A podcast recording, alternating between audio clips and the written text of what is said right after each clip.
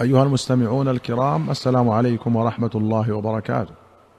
في كتاب الفتن والملاحم وأشراط الساعة أخرج البخاري ومسلم رحمهما الله عن أبي موسى الأشعري رضي الله عنه أن النبي صلى الله عليه وسلم قال: ليأتين على الناس زمان يطوف الرجل فيه بالصدقة من الذهب ثم لا يجد أحدا يأخذها منه.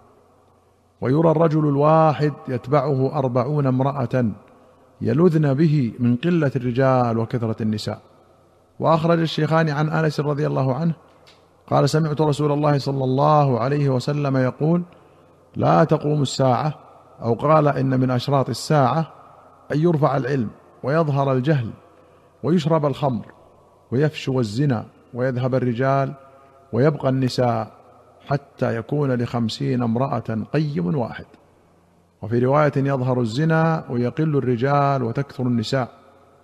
القيم المدبر ومن يقوم عليهن ويقوم بأمرهن كما قال تعالى الرجال قوامون على النساء. يقال قيم وقوام وقيام وقيوم كل ذلك بمعنى واحد.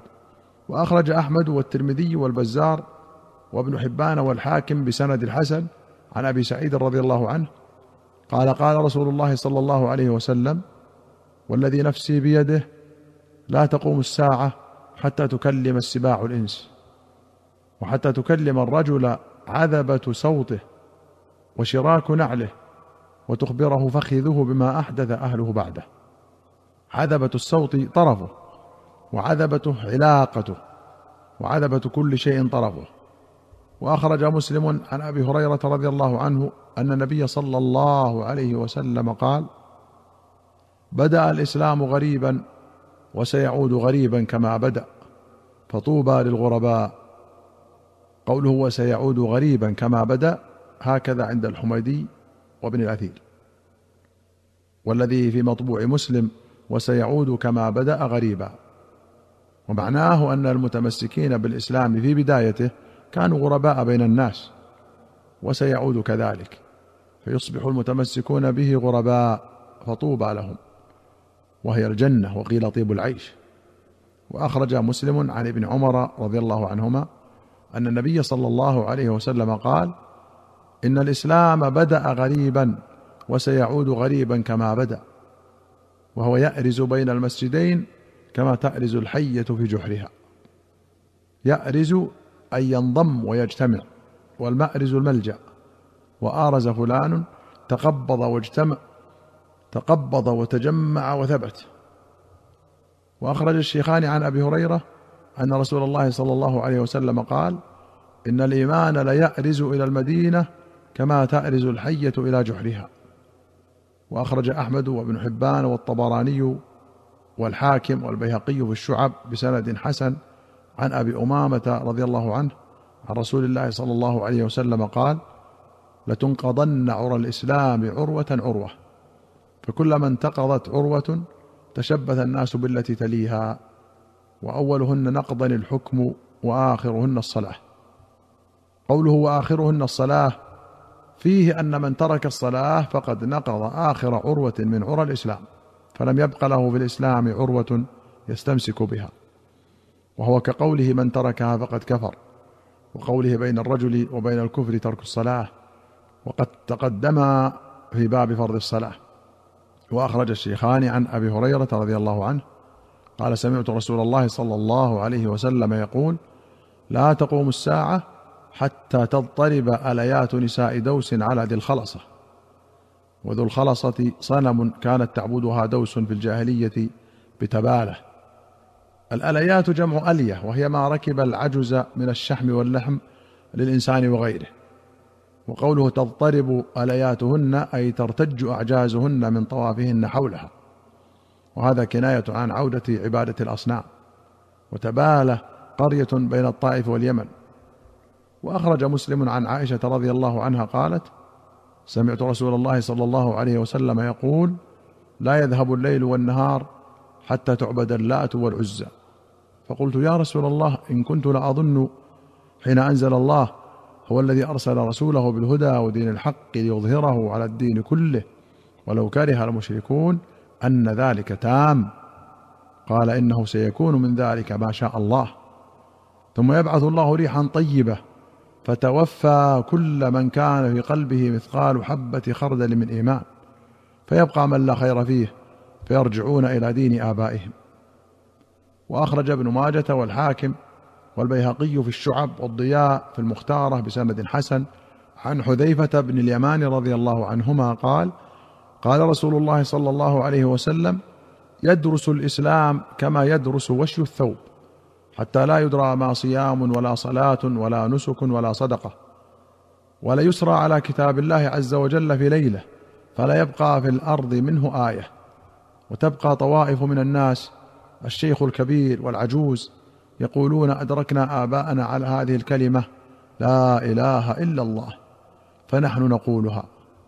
فقال له صلة ما تغني عنهم لا إله إلا الله وهم لا يدرون ما صلاة ولا صيام ولا نسك ولا صدقة.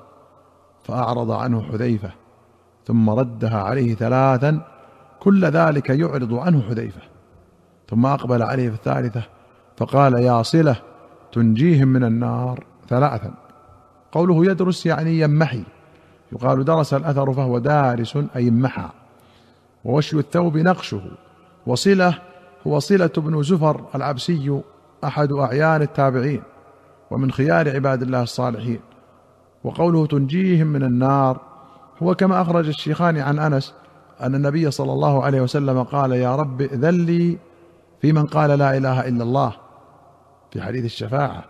قال ليس ذلك إليك ولكن وعزتي وجلالي وكبريائي وعظمتي لأخرجن منها من قال لا إله إلا الله. وسيأتي في باب الحشر والشفاعة والحساب. وأخرج البخاري عن مرداس الأسلمي رضي الله عنه وكان من أصحاب الشجرة رضي الله عنهم.